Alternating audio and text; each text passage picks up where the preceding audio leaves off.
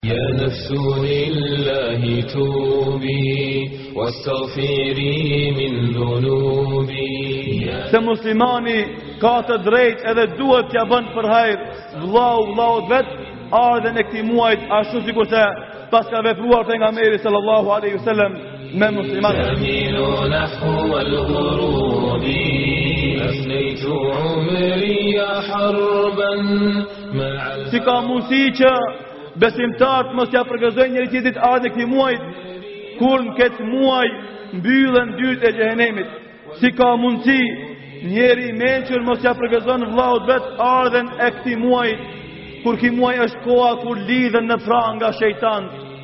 Si ka mundësi që kjo kohë dhe ky muaj t'i ngjan kohrave dhe muajve tjerë, kur ai që e shfrytëzon këtë muaj fiton shumë, e ai që e lën pas dore humb shumë. Wa qad dalaltu tariqi wa dalalatni durubi ya nafsu. Pa dyshim se ymërgjatët, atyre që Allahu u ka dhënë mundësi dhe u ka dhënë ymër të gjatë,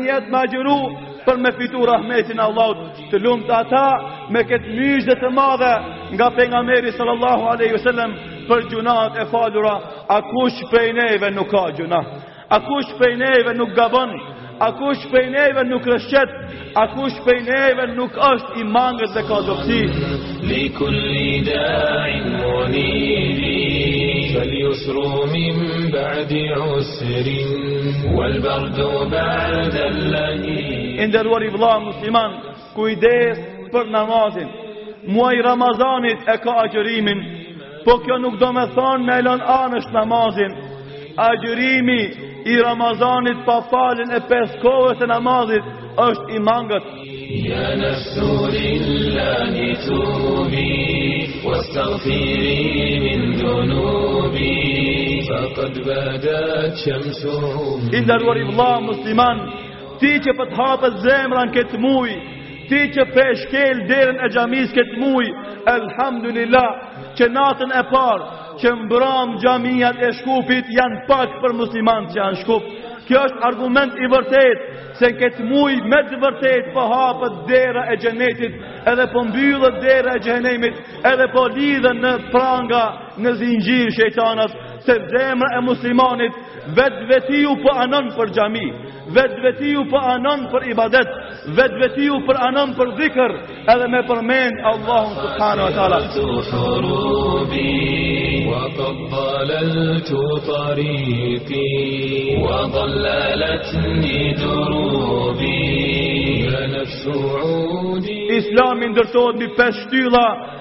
E para shahadeti, e dyta mas saj është namazi, kush e prish këtë shtyllë, e ka prish ndërtesën e islamit.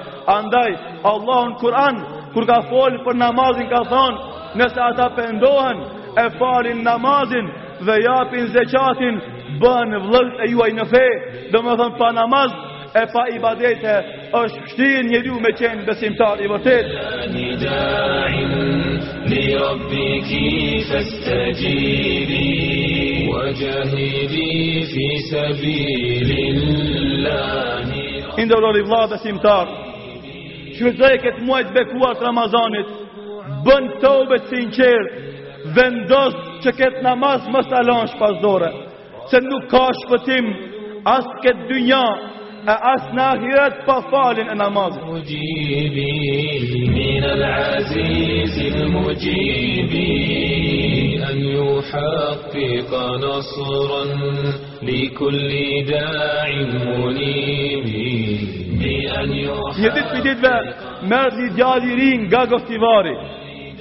I kish dëgju do derse edhe kish fillu të interesohet për fe. Kish fillu të falë tek-tuk namaz, pas muhabeteve dhe këshilave i thamë, namazi është shtylla e fesë. Pa namaz muslimani s'mundet me kon i qetë, s'mundet me kon i lumtur, s'ka mundësi me fitu xhennet, ishte i sinqertë, Ishte pendu me të vërtetë Edhe merr pas dy mujve Thot ja kam nis pesë kohë namaz me fal Thot nuk e din sa i gëzuar jam Nuk e din çfarë lumturie përjetoj Nuk e din çfarë gajle dhe rëndësi dhe peshë prej supeve të mija kam hek Subhanallah Namazi e paska këtë aftësi dhe këtë mundësi e ka i nderuari vlla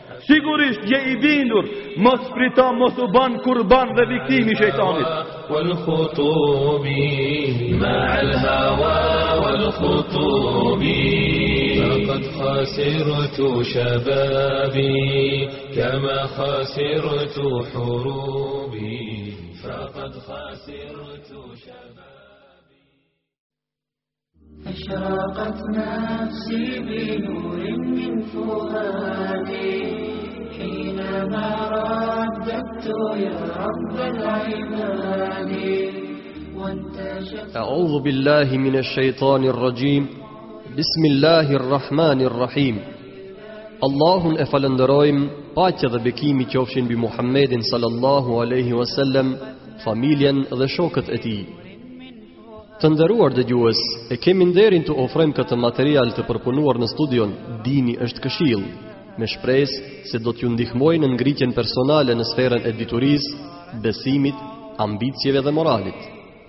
Ligjëratën me titull Flasim sot për muajin e bekuar të Ramazanit. E ligjëron hoxha i nderuar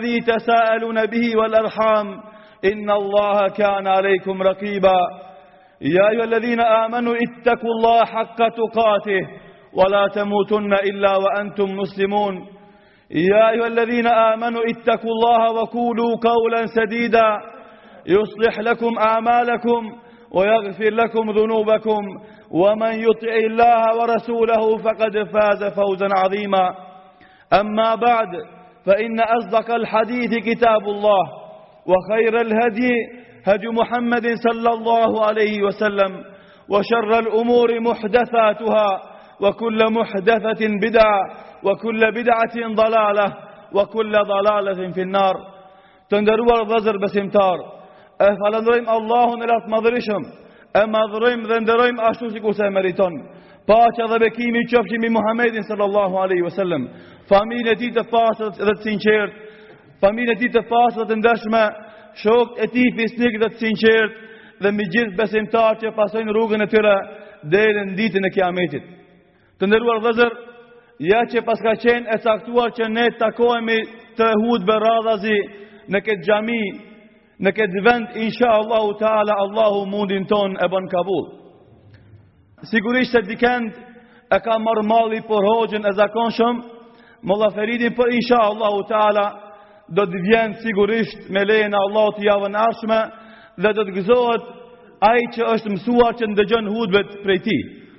Por, normalisht secili prej neve ka obligim prej hoxhallarve që të ep mundin e vet për sqaru disa gjëra që janë të rëndësishme në jetën tonë si besimtar. Edhe dëshira, edhe qejfi për me i kallxu sa ma shumë gjëra të fesë, Për me tregu sa ma shumë ajete dhe hadithe, ndoshta disa herë edhe zgjatet hutbeja, por kemi shpresë dhe ymit të madh se ju si xhematli do të keni durim edhe sabër për të ndetë në këto vende, për të ndetë këto çaste n'kët xhami, të cilat sigurisht të gjitha do të shkruhen në regjistrin në fletorën e veprave të mira, ditën kur do të dalim para Allahut subhanahu wa taala. Të nderuar vëllezër, flasim sot për një misafir shumë të rëndësishëm dhe shumë të madh që na ka ardhur.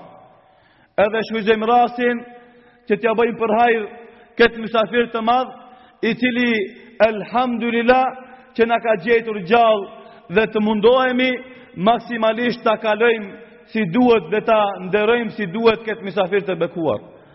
Folet për muajin e bekuar të Ramazanit. Andaj do të flasim për mikpritjen që duhet t'ja bëjmë ne si musliman këtij mysafiri të nderuar, këtij mysafiri madhështor, këtij mysafiri me një pozitë të madhe në fenë islame, në dinin e Allahut xhelle xhelaluhu. Pa dyshim se njerëzit në jetën e tyre gëzohen për shumë gjëra. Gëzohet Kur punësohet, gëzohet kur ep provimin, gëzohet kur martohet, gëzohet kur Allahu i jep evlat, gëzohet kur e sos ndonjë biznes me sukses, pra gëzohet në shumë raste dhe në shumë momente, e pa dyshim se gjëja ma e rëndësishme për të cilën duhet të gëzohemi ne besimtarët, është Sezonat dhe mundësitë që na jep Allahu xhelle shanuhu për me i shtu veprat e mira, për me i shtu ibadetet, për me i shtu adhurimet. Ashtu sikurse i gëzohemi gjërave të përditshme në jetën tonë të mira, edhe ma shumë duhet t'i gëzohemi ardhjes së këtij muaji të bekuar Ramazani Sherifit. Pejgamberi sallallahu alejhi ve selem, Kur vinte ky muaj, u jepte myzhde besimtarve, dhe u thoshte, etakum Ramazan, ju ka ardhur muaj Ramazanit, shehrun mubarak, muj i bekum, ferada Allahu azze ve xhelle alejkum sijameh, Allahu ua ka bërë obligim ta agjëroni agjërimin e këtij muajit,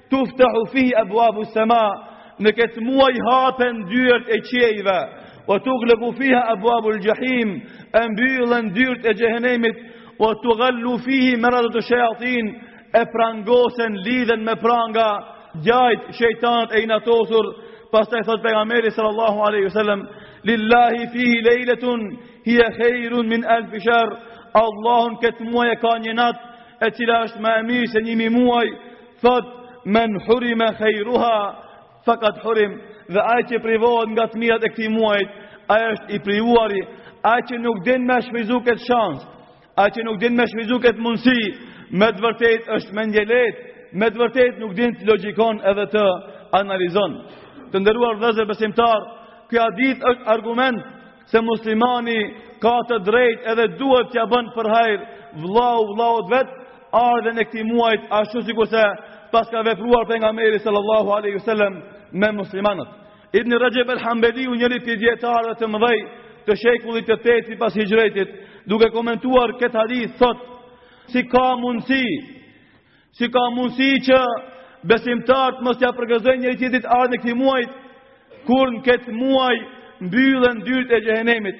Si ka mundësi njeri i mençur mos t'ia përgëzon vëllaut vet ardhjen e këtij muaji, kur ky muaj është koha kur lidhen në pranga shejtant? Si ka mundësi që kjo kohë dhe ky muaj t'i ngjan kohërave dhe muajve tjerë, kur ai që e shfrytzon këtë muaj fiton shumë, e ai që e len pas dore humb shumë. Andaj muslimanët e mëhershëm kur ka ardh ky muaj e kanë publiku gëzimin, lumturinë dhe harenë që e kanë pasur.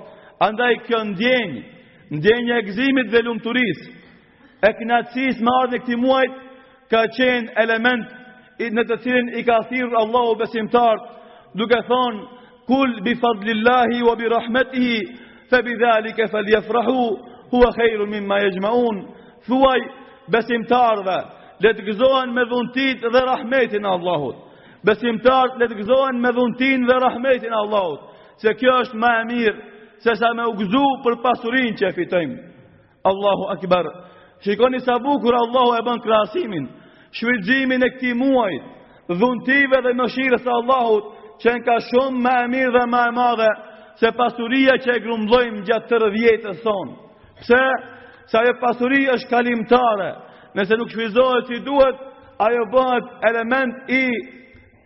i sualit i përgjegjësisë dhe llogarisë ma të madhe para Allahut subhanahu wa ta'ala.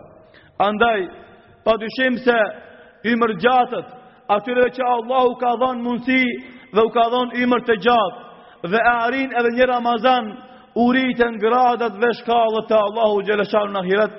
Andaj, pejgamberi sallallahu alejhi ve selem ka thonë, për tre njerëz, dy prej tyre kishin shku shehidë, Që shehidllëku është pa dyshim gradë e lartë në islam, e tjetri kish met gjallë, kur i pa në andër, ky që kish met gjallë, ishte ngritë mbi ata që kanë shku shehid, e i thanë si ka mundësi, që ky që ka met gjallë, me kanë ma lartë se ata që kanë shku shehid, thotë pejgamberi sallallahu alejhi ve sellem, ky njeri, a nuk ka falë kaq e kaq namaze ma shumë se ai, ky njeri, a nuk e ka agjëru edhe një ramazan ma shumë se ai, Ky njeri a nuk ka bo edhe ma shumë vepra të mira se ai nëse 355 ditë sipas kalendarit islamik i kalon njeriu në ibadet dhe adhurim pa dyshim se këto ibadete dhe adhurime ia ngritin pozitën besimtarit në ditën kur do të dalim te Allahu xhelle xhelaluhu. Këtë hadith e transmeton Imam Ahmedi me senet të vërtetë.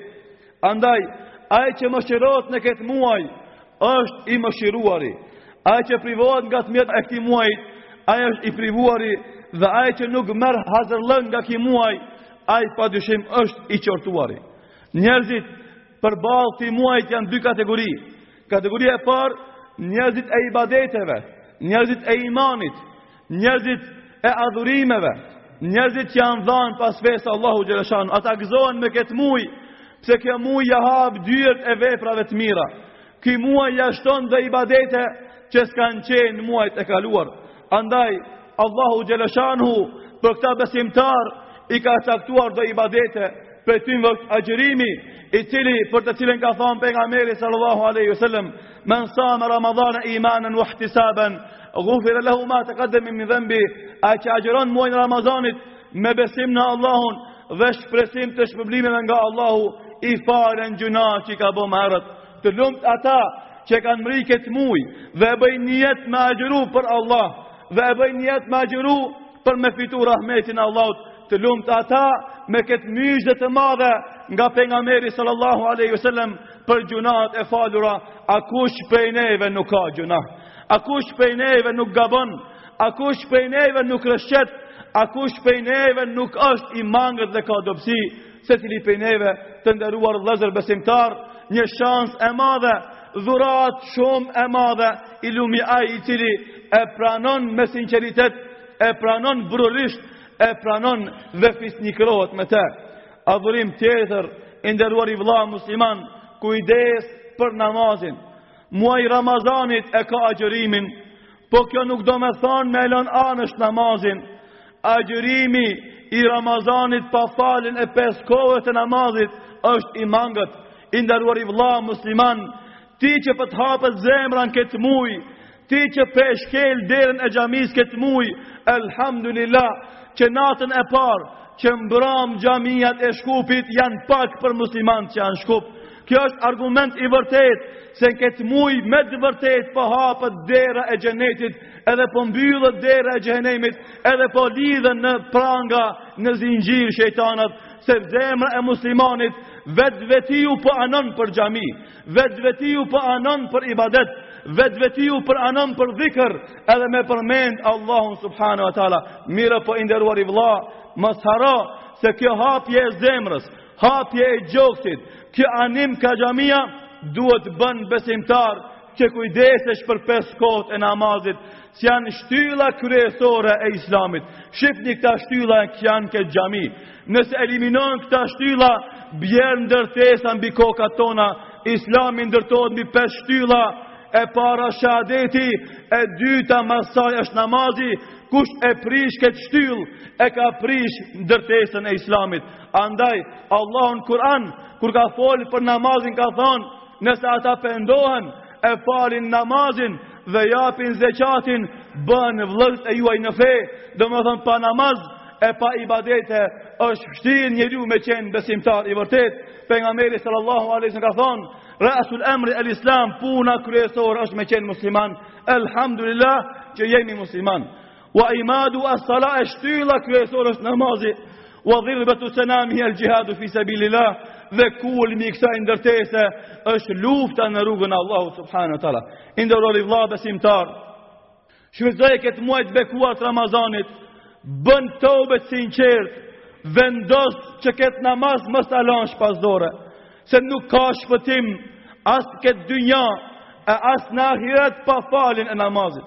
I nderuari vëlla, ti që të është dhënë një dhunti tjetër, ajo është namazi i teravisë. Ti që kujdesesh me i falë 20 reqate, që të marrin 20 minuta, që të merr një orë nga koha jote, po e dini se për një orë 5 kohët e namazit falen. Andaj, ti që ke kohë, dhe që ke gatishmëri, dhe që je hazër, dhe që ke vullnet, me e falë namazin e teravisë, që ka shpërblim të madh të Allahu, Ku e ke vullnetin? Ku e ke guximin? Ku e ke gatishmërinë t'i falish edhe pesë kohët e namazit? Flasim për farzet të nderuar vëllezër, se ato janë elemente për të cilat do të japim llogari në ditën e parë kur do të dalim para Allahu subhanahu wa taala. Porosia e fundit e pejgamberit sallallahu alaihi wasallam para se me vdek ka qenë namazi, namazi. Puna e fundit që mbetet mes muslimanëve është namazi, namazi. Puna e parë për të cilin do të japim llogari kur do të ringjallemi është namazi. Mos harroni këtë adhurim. Merrne shtine n'programin e jetës suaj, do të jeni të lumtur në jetën e kësaj bote edhe në jetën e ahiretit. Një ditë prej ditëve më merr një djalë i ri nga Gostivari. I kish dëgju do derse edhe kish fillu të interesohet për fe. Kish fillu të falë tek-tuk namaz, pas muhabeteve dhe këshillave i thamë, namazi është shtylla e fesë. Pa namaz muslimani s'mundet me kon i qetë, s'mundet me kon i lumtur, s'ka mundësi me fitu xhennet, ishte i sinqerë, ishte pendu me të vërtetë, Edhe më merr pas dy mujve, thot ia kam nis pes kohë namaz me falë, thot nuk e din sa i gëzuar jam, nuk e din çfarë lumturie përjetoj, nuk e din çfarë gajle dhe rëndësi dhe peshë prej supeve të mia kam hekë, Subhanallah. Namazi e paska këtë aftësi dhe këtë mundësi e ka i nderuari vëlla. Sigurisht ji i bindur, mos prito mos u ban kurban dhe viktim i shejtanit. Por ji i vendosun, ji i paluhatshëm edhe ngreku namazit do të përjetosh kënaqësira dhe lumturi si ka përjetuar ki vëlla i nderuar.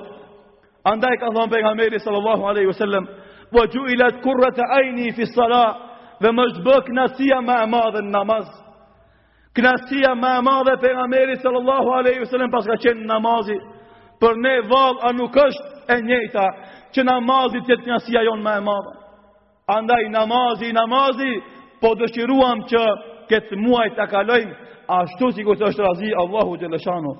Thamë që ki muaj ka namazin e teravisë, për të cilën ka thënë pejgamberi sallallahu alaihi wasallam kush e fal namazin e teravisë me besim në Allahun dhe shpresim të shpërblimeve do t'i falen mëkatet që i ka bërë më herët në këtë muaj është nata e kadrit kush e ngjall këtë natë me ibadete me lexim të Kur'anit, me dhikr, me tauba dhe istighfar, i falen gjynahet që ka bë më herët. Kët muaj kush ka mundsi, është mirë me shku me bë umre, thot pejgamberi sallallahu alaihi wasallam, kush bën umre në Ramazan e ka sevapin si me bë haxh. Gjithashtu ky muaj është muaj i Kur'anit, andaj duhet të lexojmë më shumë Kur'an. Pejgamberi sallallahu alaihi wasallam për çdo Ramazan e ka bërë hatme Kur'anin me Xhibrilin alaihi salam. E në vitin e fundit, dy herë e ka bërë hatme Kur'anin para Xhibrilit a.s. Edhe ne ta vendosim që s'paku një herë gjatë këtij Ramazanit ta bëjmë hatmen e Kur'anit. Puna tjetër është sadakaja. Na, elhamdulillah, muslimanët e këtyre vendeve zakonisht zeqatin dhe sadakan e japin këtë muj. Pse? Sepse e din shpërblimin e madh që ka ky adhurim dhe ky ibadet në jetën e muslimanit edhe gjatë këtij muaji të bekuar të Ramazanit. I nderuari vëlla musliman, na të gjithë jemi të vetëdijshëm se kjo sadakaja dhe zekati është kontributi jonë që e kemi dhonë dhe falë këtij kontributi që na e kemi dhonë janë ndërtuar xhamiat në këtë vendin tonë në Shkup, janë stipenduar studenta, janë kujdesur jetima, u është dhonë strehim atyre që s'kanë patur strehim, Pra alhamdulillah që imani i besimtarëve tanë ka dalë në shesh, edhe me këtë iman që e kemi, edhe me sadakan dhe kontributet tona që kemi dhënë, e kemi treguar solidaritetin që kemi për njëri-tjetrin, kemi treguar humanizmin e madh që kemi si musliman dhe besimtar.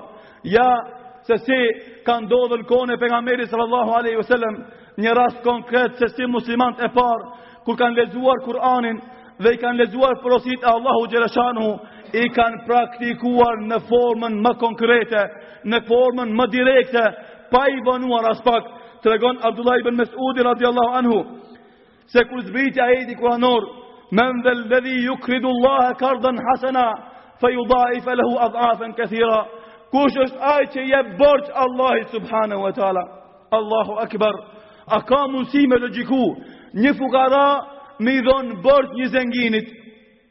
A ka mundësi me qenë e paramenduar një i varfur me i dhonë borxh milionerit? Allahu Subhanahu wa Tala, jo që është milioner, po n'dorën e tij është qielli dhe toka dhe çka ka mes tyre. Pra nuk ka pasuri që mund të numrohet e që nuk është n'dorën e Allahut Subhanahu wa Tala. Allahu në Kur'an u drejtohet besimtarëve, a ka dikush prej juve me i dhonë borxh Allahut subhanahu wa taala. E ndëgjon këtë ajet Ebu Dahda al-Ansari radhiyallahu anhu. Dhe thot, pash Zotin, Allahu kërkon borxh prej neve. Pash Allahin, Allahu kërkon borxh prej neve. Thot pejgamberi sallallahu alaihi wasallam, po Allahu xheleshanuhu kërkon borxh, thot, ja Rasul Allah, zgjatma dorën, ia zgjati dorën pejgamberi sallallahu aleyhi vesellem, e i tha, e kam një kopsht me hurma, e kam një bahçe me hurma, është toka ma e dashur te unë, i ka 600 pemë të hurmave, dhe ia borxh Allahit subhanahu wa ta'la, Edhe u nis tuj bërtit, e kishte në bahçe në kopsht gruan dhe fmijt e vet, tha ja Ummu Dahda oj nana e Dahdas, largohu prej bahçe se ia kam dhonë Allahit borxh, kur e ndëgjoi këtë bërtitme gruja e vet,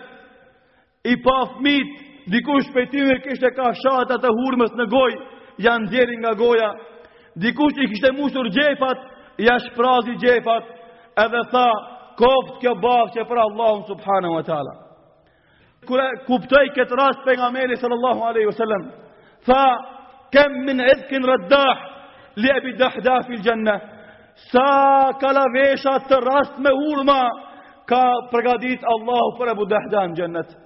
Shikoni, se si sahabët, ajetet i kanë praktikuar për njëherë në jetën e vet. Dhe shikoni se si, Allahu ua ka dhonë shpërblimin për njëherë, atyre burrave me të cilët është i knasht Allahu dhe ata janë të knasht me Allahun subhanehu wa ta'ala. Pra kjo është puna e sadakës, muslimani nuk duhet me bë dallim. Ka mundësi me dhon 1000 denar, 1000 jep. Po s'ka mundësi me dhon 1000, 500 jep. Po s'ka mundësi 500, 100. Po s'ka mundësi 100, 10. Po edhe 1 denar me dhon fi sebilillah. Edhe ajo shkruhet në kantarin e Allahut, "Wa man ya'malu mithqala dharratin khayran yara." Kush bën punë të mira sa një grimc atomi ka me e gjet, edhe kush bën punë të këqija sa një grimc atomi ka me e gjet. Andaj te Allahu peshoja është më precize se peshoja e altanxhive. Peshon edhe me miligrama edhe në mënyrë atomike peshohen gjërat, andaj mos kurse, mos ngurro, mos vjere marre, me sa ke mundësi kontribo dhe ndihmo për ndërtuar këto xhamia, për zhvilluar jetën fetare, për ndihmuar çdo gjë të mirë, për të cilën ka nevojë shoqëria e jonë. Të nderuar vëllezër besimtarë, ka edhe të tjerë që u vjen randë kur vjen ki muaj i bekuar Ramazanit. Dikujt nuk i bëhet qejfi se duhet m'u largu nga ushqimi, duhet m'u largu edhe nga shumë punë që ai, nga jeta e vet e zakonshme i ban, andaj tregohet njëherë për një Njeri i cili kishte jetuar në mesin e muslimanëve, por zemrën e kishte pasur të kalbur. Dhe kur erdhi muaji Ramazanit, tha ah, ki muaj pse më erdh? Ma mirë mos kishte ardh me pas pas fuqi, do ta kisha vra. Edhe Allahu xheleshanuhu e dënoi, edhe nuk ia mundësoi me arrit muajin e Ramazanit. Andaj assesi nuk guxon besimtari m'u mërzit kur vjen ki muaj i bekuar Ramazanit, por duhet të gëzohet e ta kalon në ibadetet që i ka para vetes Që të fiton të mirat e Allahut xheleshanuhu në dunja edhe në ahiret. Element tjetër, muslimani kur largohet nga ushqimi dhe pija, duhet ta largon edhe syrin nga mëkatet. Andaj, t'i themi në këtë muaj të bekuar t'Ramazanit, ndal televizorit, ndal telenovelave, Ndal serialeve të ndryshme që fatkeqësisht gratë po edhe burrat e humbin një kohë të madhe duke i shikuar këto gjëra, andaj ki muaj i bekuar, le të mbyllet televizori, le të fiket edhe të bëjmë ibadet, se është shans, është sezon, që nuk mund të na kthehet prap, biznismeni kur e ka është sezonin e punës, nuk ka vakt bukë me hangër, e jo televizor me shiku, edhe na në këtë kohë nuk kemi vakt me bo punë tjera, përveç ibadetit, Baba është përgjegjës për familjen e vet, edhe ka me dhon llogari para Allahut ditën e kiametit, andaj le të kujdeset, le ta run pasurinë e vet, le ta run evladin e vet, le ta run familjen e vet, të nderuar vëllezër, padyshim se puna kryesore është pendimi dhe istighfari. Të hyjmë këtë muaj të bekuar me pendim dhe istighfar, të vendosim që ma gabimet që i kemi bërë të kaluar mos t'i bëjmë këtë muaj edhe jashtë këtij muajit, edhe të shkojmë te Allahu të pastër prej të gjitha mëkateve. Të nderuar vllezër ka shumë muabete dhe pika që mund të fliten, por nga frika se bëhet gjatë edhe mërziteni, na me kaq e përfundojmë, e lusim Allahun Xheleshanuhu që ta nderojmë këtë misafir ashtu sikurse e meriton. E lusim Allahun që të kalojmë këtë muaj me këto lloj lloj ibadete të mëdhaja që na ka mundsuar Allahu. E lusim Allahun të na e shton dijen dhe imanin. E lusim Allahun të na jep të mirat e kësaj bote dhe ahiretit.